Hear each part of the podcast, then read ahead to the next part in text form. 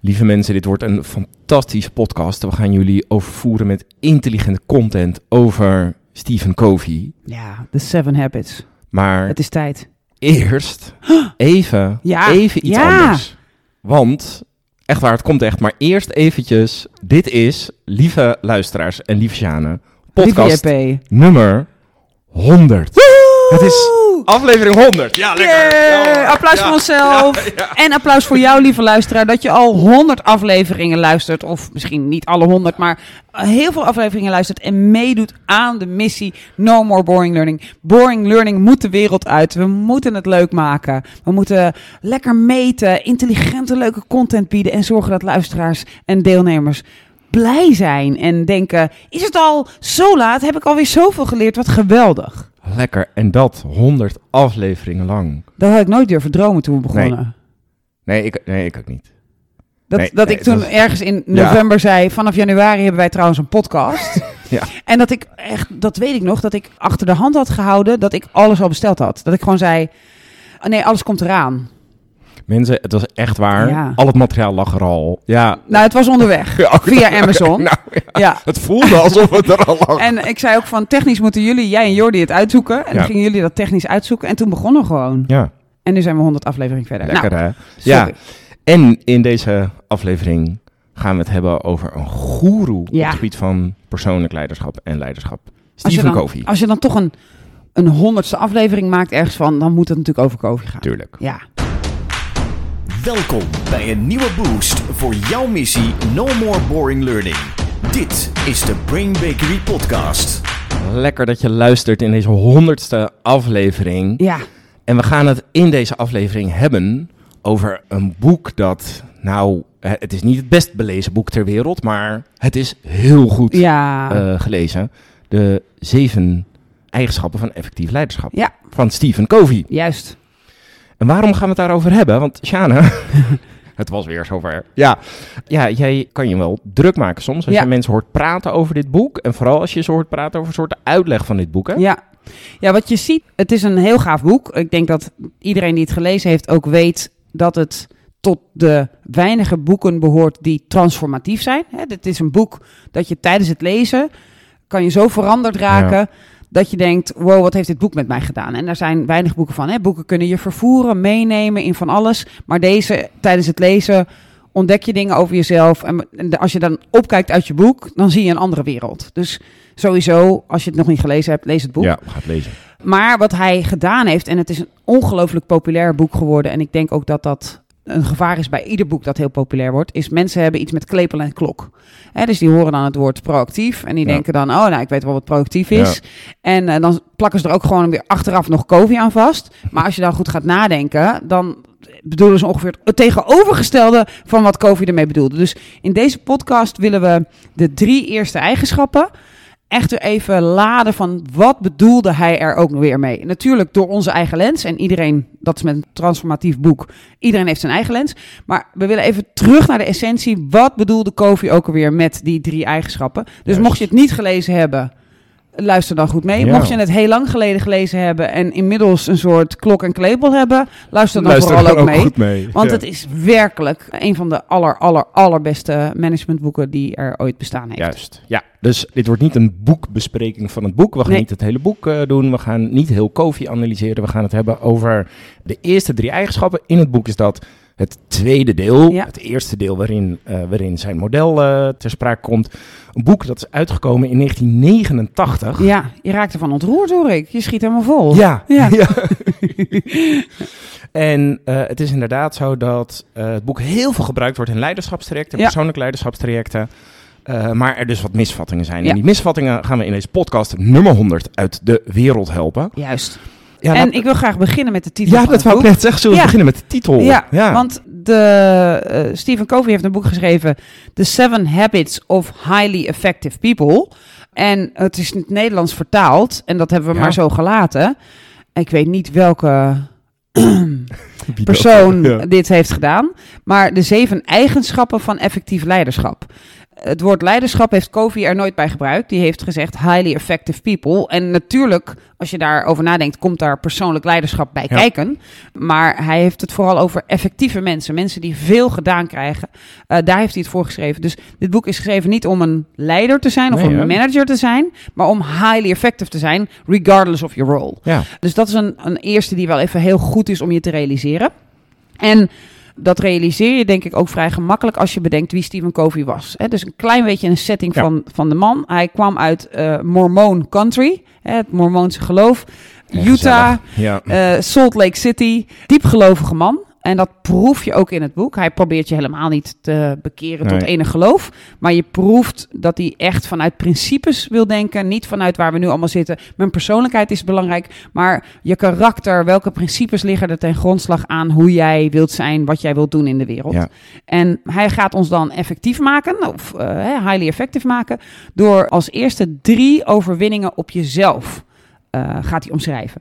Dus wat heel belangrijk is om dat te bedenken is, het zijn dus niet eigenschappen, maar het zijn drie dingen, als jij die goed toepast, zoals hij ze zegt, Mhm. waardoor jij iets overwint in jouzelf wat daar eigenlijk tegen ingaat. Hè? Dus, Ja. dus je gaat ingrijpen in hoe jij normaal door het dagelijks leven wandelt. En je gaat een overwinning hebben op het voorspelbare, hoe je normaal in elkaar zit. Dat is ook dat transformationele. Precies. Ja. Ja.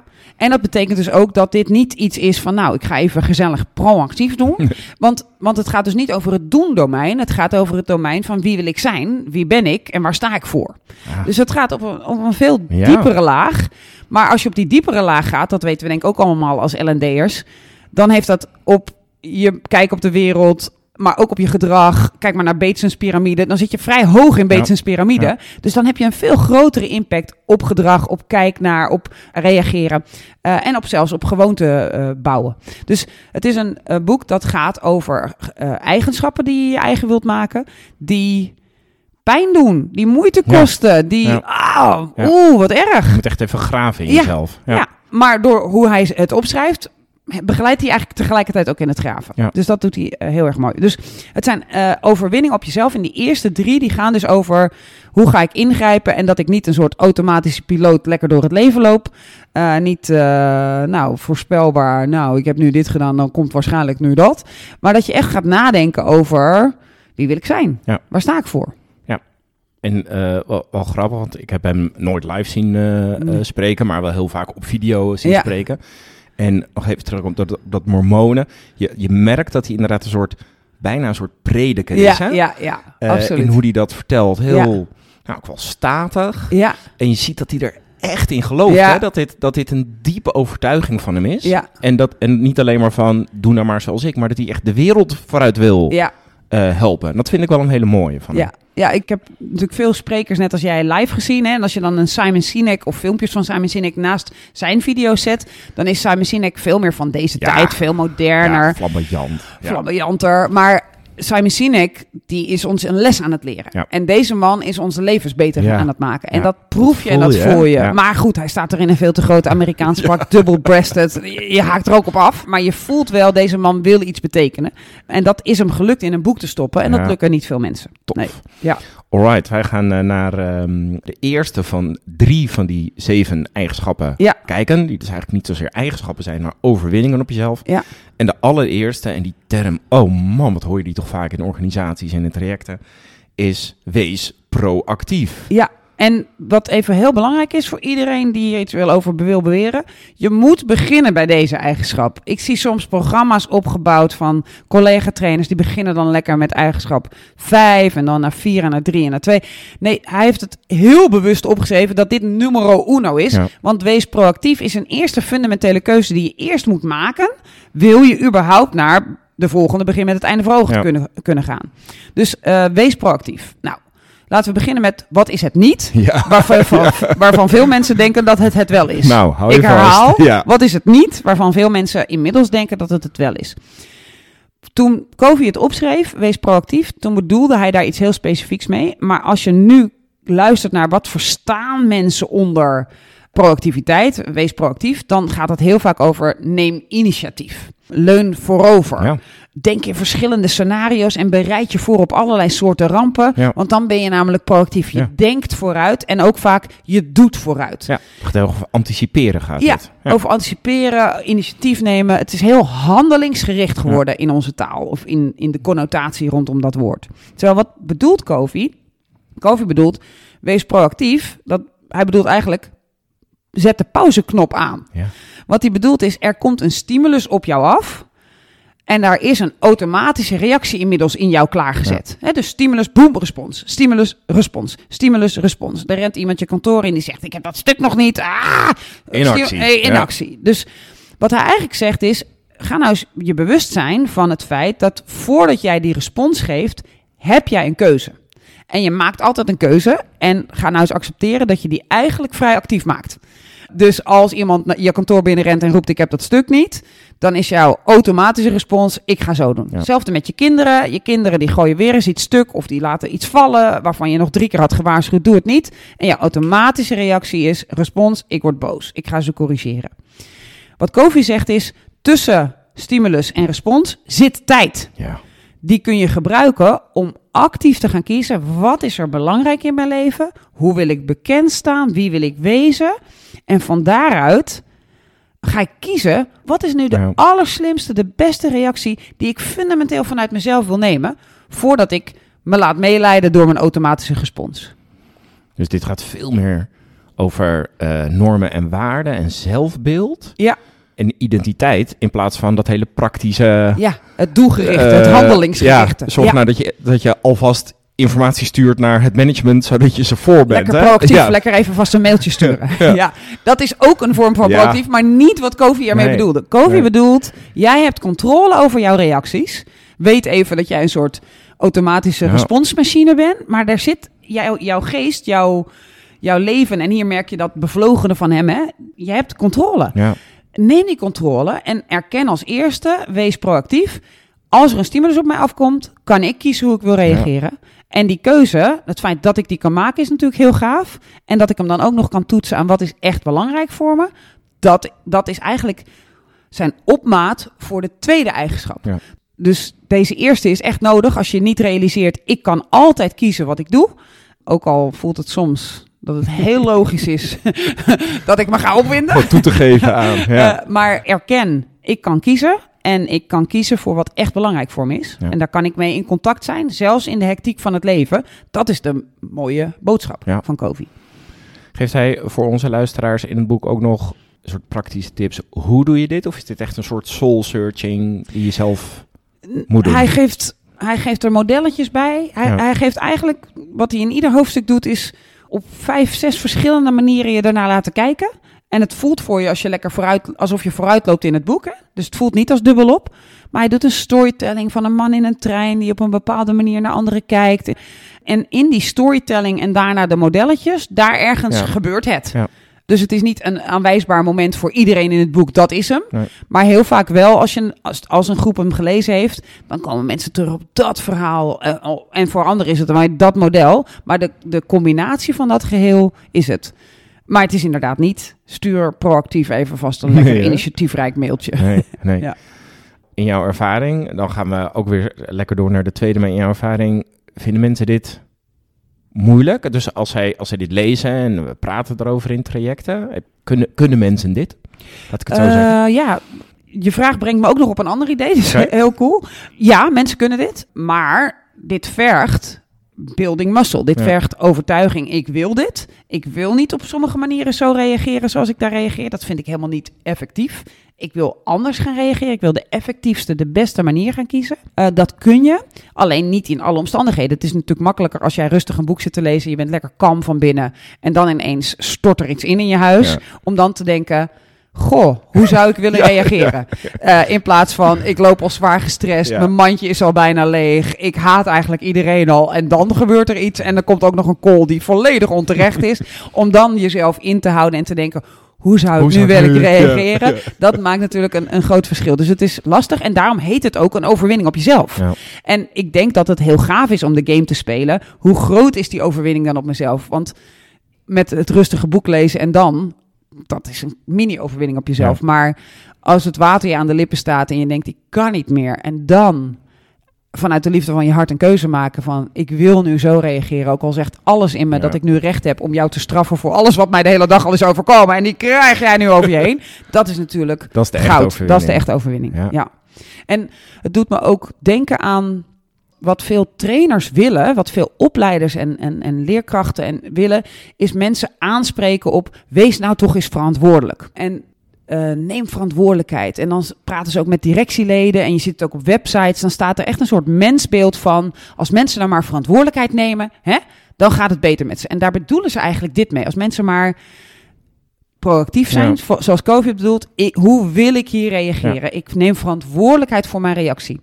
Maar de manier waarop die mensen dat vaak aandragen, is zij nemen geen verantwoordelijkheid en ik wel. En ik ga ze leren hoe je verantwoordelijkheid moet nemen. Maar dat is niet het mensbeeld waarvan uit Kofi schrijft. Het, het mensbeeld is, mensen willen dit al. Niemand wil snauwen naar iemand die aan het eind van de dag nog even een bommetje dropt.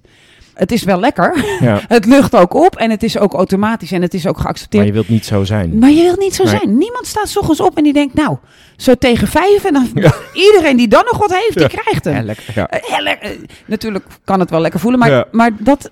En dat vind ik zo lastig vaak als ik trainers hoor. We gaan ze echt leren hoe ze proactief moeten zijn. Terwijl wij moeten gewoon erkennen, iedereen wil dat al zijn. En het is fucking Ja. lastig. Eh, dus we moeten heel veel respect en liefde hebben als het je lukt. Eh, want dan is het een overwinning op jezelf en die mag je ook vieren.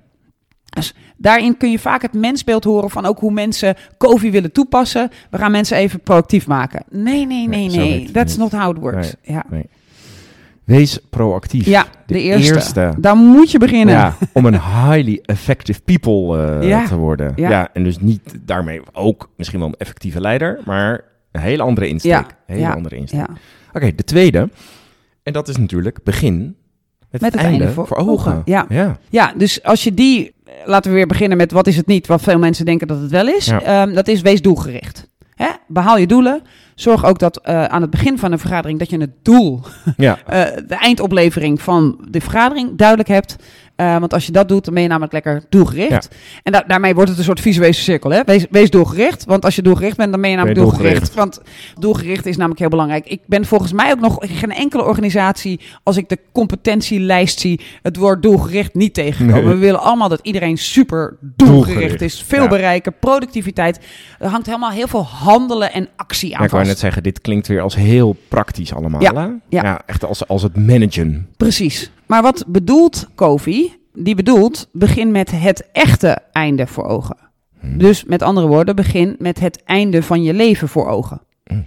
Iets wat Steve Jobs bijvoorbeeld heel erg deed, waar hij ook vaak aan refereerde. Begin met de dood voor ogen. Zo. En wat hij dus eigenlijk zegt hier is: begin met de visie die jij hebt op het moment dat jouw lichaam in de, het graf ligt of in de overgaat of hoe je ook maar Ja. voorziet dat dat gaat gebeuren met jou. En denk dan aan wat vinden alle mensen die om mijn graf heen staan dan van mij? Wat zeggen ze over me? Maar denk ook vooral heel erg na over wat wil ik graag dat mensen dan over mij zeggen. Ja. En vervolgens, als je dat je afvraagt, dat is al een hele Dit, dit, dit gaat er wel even ergens over, Ja. Ja. Ja. dit gaat niet over. Nou, jongens, voordat we de vergadering Nee. beginnen, wil ik even een doelenlijst. Nee. Dit gaat over.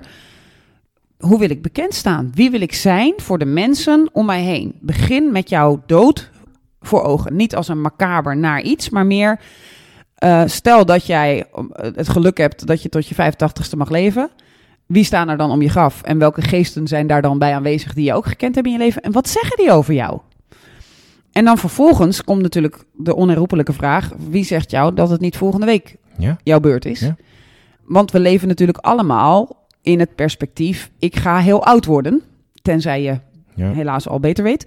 En dus denk je, er is tijd. Er is tijd voor mij. En aan het eind ga ik dan heel veel tijd aan mijn kinderen en mijn kleinkinderen besteden. Dan ga ik allemaal dat doen. En daar leef je in. Terwijl wat COVID eigenlijk zegt is, stel dat het nou volgende week is afgelopen. En jouw collega's komen bij elkaar. Hoe stond jij dan bekend? Ja. En stel dat dit jouw laatste week was. Hoe zou je dan nu deze week willen besteden? Met jouw collega's. Want je kan niet stoppen met werken, want Nee. je weet niet of het over een week afgelopen is. eh, En je terugtrekken op een berghut met je, Ja. met je geliefde. En dus, je, dus je gaat door. Maar, maar hoe wil je dan bekend staan? Hoe wil je gereageerd hebben? Dus hiermee vult Kofi als het ware, als ik dan weet, wees proactief, er komt een stimulus en welke respons wil ik geven? Hiermee vult hij eigenlijk, wat is dan de respons die jij wilt geven, Ja. als dat einde misschien wel heel nabij is? En als je ervan uitgaat dat het belangrijkste dan is, hoe denken de mensen dan over me? Welke herinneringen hebben ze aan me? Wat vonden ze fantastisch aan me? Wat vonden ze minder gaaf aan me? En hoe vaak heb ik dat stuk eigenlijk naar voren geschoven? Dit is heel anders dan uh, Wees wees doelgericht. doelgericht. Ja. Ja. Ja. Ja. dus dit is veel dieper. Deze voel je wel. Ja, en, en dat maakt het ook transformatief. Het gaat er dus om, hoe wil ik bekend staan? En als ik deze week nog één week leiding mag geven aan mijn team, hè, stel dat dit voor leiders wordt gegeven, hoe wil ik dan in deze week gereageerd hebben? Ja. Wie wil ik dan geweest zijn voor ze? Wat hoop ik dat ze van me vinden en over me zeggen? En ook als ze dronken in een café zitten met elkaar, wat wil ik dan dat ze over me zeggen? Ja, dus begin met het einde voor ogen. Dat kun je op alles toepassen. Hè? Op je carrière. Stel je staat bij, eh, aan het einde, je gaat met pensioen. Of stel je gaat weg van dit bedrijf om voor jezelf te beginnen. Of hoe wil je dan dat ze jou gezien hebben? Wat, wat wil je dat de complimenten zijn? Wat vind je dan het allermooiste? En dan vervolgens de vraag, stel dat je nu het loodje legt. Ja. Vinden ze dat dan nu al? Of zou je dan toch iets willen veranderen? De eerste vraag is denk ik al lastig te beantwoorden hè, Ja. mensen. Ik bedoel, ik zou hem zelf ook... Daar moet je echt even over nadenken. Eh, en het tweede gedeelte is eigenlijk... Je vraagt mensen een hele diepe, eerlijke soort zelfreflectie te Mm. doen. En dat vinden veel mensen natuurlijk heel lastig. Ja. En dat is niet iets wat Nee. in gewoon normale trainingen naar voren Nee. komt. Eh, hè, de, van, nou, welkom in de training. Ga eens even nadenken over dit stuk. Dus het is ook iets waar je permissie voor moet hebben om met mensen zo'n gesprek aan te mogen Ja. gaan. Dat is niet van, nou, we beginnen even met eh, eigenschap nummer Nee. twee. Heel leuk. Nee. Ja, nee. Nee, dus dat, dat is het niet. Dus het, het vergt ook wat van je als trainer. En wat het vooral, denk ik, van je vergt, is weten hoe vaak jij nog stimulus-respons doet zonder Ja. de pauze, zonder de echte keuze Ja. ertussen. En ook weten hoe wil jij dan bekend staan, hoe jij dit stukje hebt begeleid. Mooi. Ja. ja. Nou, Ja, diep. Ja. Ja, ja die Kofi. ja. We gaan naar eh, eigenschap nummer drie. belangrijke is- zaken eerst. Ja. Ja. ja, dat doen we dus niet als eerste. Nee. nee. Nee, en dat is dus vaak wat, ja, lekker, dat is heel vaak de vergissing. Belangrijke zaken eerst, daar begin je dus mee. Ja. Dan doe je dus een doel en dan ben je ook nog heel proactief onderweg naar dat doel. Dan heb je het dus niet begrepen. Dan heb je de, waarschijnlijk de basiscompetenties van heel veel organisaties begrepen. Maar dat is niet waar dit over gaat. Nee. Belangrijke zaak eerst gaat over, oké, als ik dan weet hoe ik wil zijn voor mensen en hoe ik wil dat ze zich mij herinneren. En als ik dan weet dat ik altijd kan kiezen hoe ik reageer en dat ik dat echt uit een diepe basis kan halen van hoe wil ik bekend staan, wie wil ik zijn voor mensen, hoe wil ik dat ze zich voelen om mij heen, dan wordt de volgende vraag, oké, dan snap ik nu waarschijnlijk wel wat belangrijk is. Welke dingen wil ik dan opeenzetten Ja. in mijn agenda? Welke dingen zijn er dan het allerbelangrijkst voor mij? Welke dingen wil ik dan prioriteit geven boven alles? Wetende, overwinning op jezelf, dat eh, ik zat net nog in een eh, te- eh, telefonische vergadering en iemand zei: Oh, dan zet ik het nu heel gauw in mijn agenda, want iedereen schiet maar van alles in. ja. Ja. wetende dat we geleefd worden door alles wat we moeten. Ja. We moeten naar ons werk, we moeten belletjes doen, we moeten reageren op mailtjes, we moeten eh, appjes. Eh, Soms heb je ineens een appje van een vriend en dan heb je te veel appjes gehad, dan ben je gewoon een week vergeten. Eh er moeten nog kinderen naar school, dingen. Je moet ook nog tegen je geliefde zeggen op tijd: Ik hou van je. Echt, nee, maar echt. moet heel veel. ja, Echt echt heel heel veel. En daar heb ik nu even twee minuten de tijd voor. En door. Ja. We weten dat de hectiek van het leven, zeker met de, met de informatiesnelheid die we nu hebben, dat je, als je niet uitkijkt, word je gewoon lekker de hele dag geleefd. En wat Kofi dus zegt is, als je dus weet dat je altijd een keuze hebt, eigenschap. 1, en je gaat daar goed in worden dat je die overwint. Voor de mensen die op YouTube kijken, ik stoten in mijn enthousiasme, stoot ik De- mijn lievelingskabouter om. Ja. Ehm, sorry dat je dat even hoorde. Maar als je dus weet, ik kan kiezen. Als je dus weet, wat is dan echt belangrijk voor me? Wat is belangrijk, einde voor ogen? Dan ga je dus vervolgens je tijd goed indelen. Omdat je diep ervan overtuigd bent, oké, ik wil dus tijd besteden aan mijn mensen. Ja. Waar zit dat? Waar doe ik dat? Hoe geef ik dat vorm? Dus vanuit hele diepe innerlijke en zelfreflectieve, eh, die eerste twee delen, wordt Ja. uiteindelijk dit, deze derde eigenschap, blijf hem maar even zo noemen, kan heel praktisch worden. Ja. Ja, en hij wordt daardoor geladen. Ja. Maar als je dus niet die eerste twee Ja. meeneemt, dan is het gewoon, nou, we doen even de urgentiematrix. Dan zeggen heel veel mensen ook nog dat hij van een Amerikaanse generaal kwam Ja. of zo. Terwijl, hallo, hij komt hier vandaan. Ja. En dan krijg je dus, wat is belangrijk voor je en wat is urgent? En wat is belangrijk en niet urgent? Ja. En wat COVID dan doet, is dat hij heel erg gaat focussen op dat tweede kwadrant. Dat is het interessantste kwadrant. Daar kun je echt niet de hele dag zitten. Nee. Maar dat is het kwadrant dat zaken belangrijk zijn, maar ze zijn nog niet urgent. Nee. Nou, daar zit ons hele vakgebied, L&D, zit tenzij er een nieuw systeem komt en iedereen moet daar morgen mee werken, want anders kunnen we geen omzet meer maken. Dan zit leren Ja. wel eens in kwadrant 1. Ja. Maar het gros van de tijd zit leren, jezelf ontwikkelen, je vragen stellen over jezelf, zit altijd in kwadrant 2. Ja. En dat is waarom we natuurlijk vaak eh, ons opwinden over no-shows. En, en waarom we, we als L&D vakgebied heel vaak moeten strijden van... hey, dit gebied is ook belangrijk. Het gaat niet alleen maar over dat iets nu, nu, nu, nu moet. En dat het heel belangrijk is. En dat we daar geen onderscheid in maken. Dus eh, dat is dan super interessant om te lezen. En vanuit deze vraagstelling wordt het dan ook ja, een heel mooi hoofdstuk. Dat niet alleen maar over Ja. time management gaat. Van hoe manage je nou je tijd dat je meer kan doen in kortere tijd. Nee, hoe geef je die zaken voorrang die voor jou het belangrijkst zijn. Ik even aan een, aan bijna een trainingsontwerp ding te kijken. Zou je dit ook kunnen behandelen als je hem een soort terugredeneert? Dat je naar de invulling van de agenda van mensen Ja. kijkt. Ja, En dan terug gaat redeneren naar... wat was wat, ook weer wat belangrijk? Zegt, wat zegt dit over jou? Wat is belangrijk? Hoe wil je door het leven gaan? Ja, ja dat, kan, dat werkt Ja, heel goed. ja. En, en als je dat ook doet met mensen, dan kijken ze ook. Ik zit echt bij 16 meetings in drie weken waarvan ik denk, Ja. wat doe ik er eigenlijk? En die zou ik ook kunnen besteden aan hoe gaat het eigenlijk met jullie? Of eh, waar wil jij je eigenlijk in ontwikkelen? Of een boek lezen of mezelf inspireren, waardoor ik met meer kracht en plezier in meetings kan staan. Dus ja, dit is wel eentje die je heel praktisch kan maken, maar wel na hoofdstuk 1 en 2. Juist. Want dan kun je dit soort overwinningen gaan hebben. Maar dan zie je ook weer dat het echt overwinningen zijn. Want dan ga je dus tegen een aantal mensen misschien zeggen: Ik wens niet meer bij deze vergadering te zijn. Want ik wil deze tijd besteden Ja. aan dat en dat, want dat is veel belangrijker voor me. Ja, en dan ga je hele essentiële, cruciale gesprekken hebben. Die overwinningen zijn op jezelf. Maar ook bijna al overwinningen, waar het tweede deel of het derde deel over gaat. Overwinningen op de ander. Ja. Op, met, overwinningen samen met elkaar. Daar kun je dat dan over gaan hebben. Maar dit gaat over wat voel ik dat diep van binnen het allerbelangrijkste is. Hoe wil ik bekend staan? En hoe kan ik zorgen dat ik daar onbekend sta?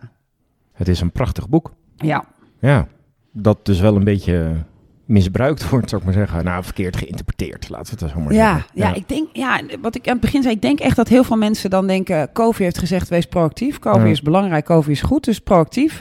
En dan de connotatie van proactief is heel actief handelen. Ja. En dat dat dan zo ontstaat. Maar dat is totaal niet waar het over gaat. En als je het ergens hoort, lieve mensen, sla ze liefdevol voor de muil. Toon ze heel veel liefde en zeg, zullen we het een keer over hebben? Terwijl we een lekkere wandeling maken, een kopje koffie drinken, bij een haarsvuurtje. Wat het eigenlijk echt betekent. Ja, prachtig. Ja. En dat in podcast 100. Ja, Ja, ik dacht ik noem het nog even. Ja. ja. terecht. Heel terecht. Ik bedoel, de kabouter viel er zelfs van omver. Ja. Lieve mensen, dank voor het luisteren. Als je een reactie hebt, dat kun je natuurlijk op onze socials eh, eh, achterlaten via Speakpipe, een eh, ingesproken berichtje. Als je de podcast leuk vindt, misschien nog honderd keer, laat vooral een review achter op het platform waarop je luistert. Ja, en namens ons allebei, dank voor het luisteren en heel graag tot aflevering 101. 101. Ja. Lekker hoor. No more boring learning. Dit was de Brain Bakery podcast. Wil je meer weten? Kijk dan op brainbakery.com of volg ons op onze socials.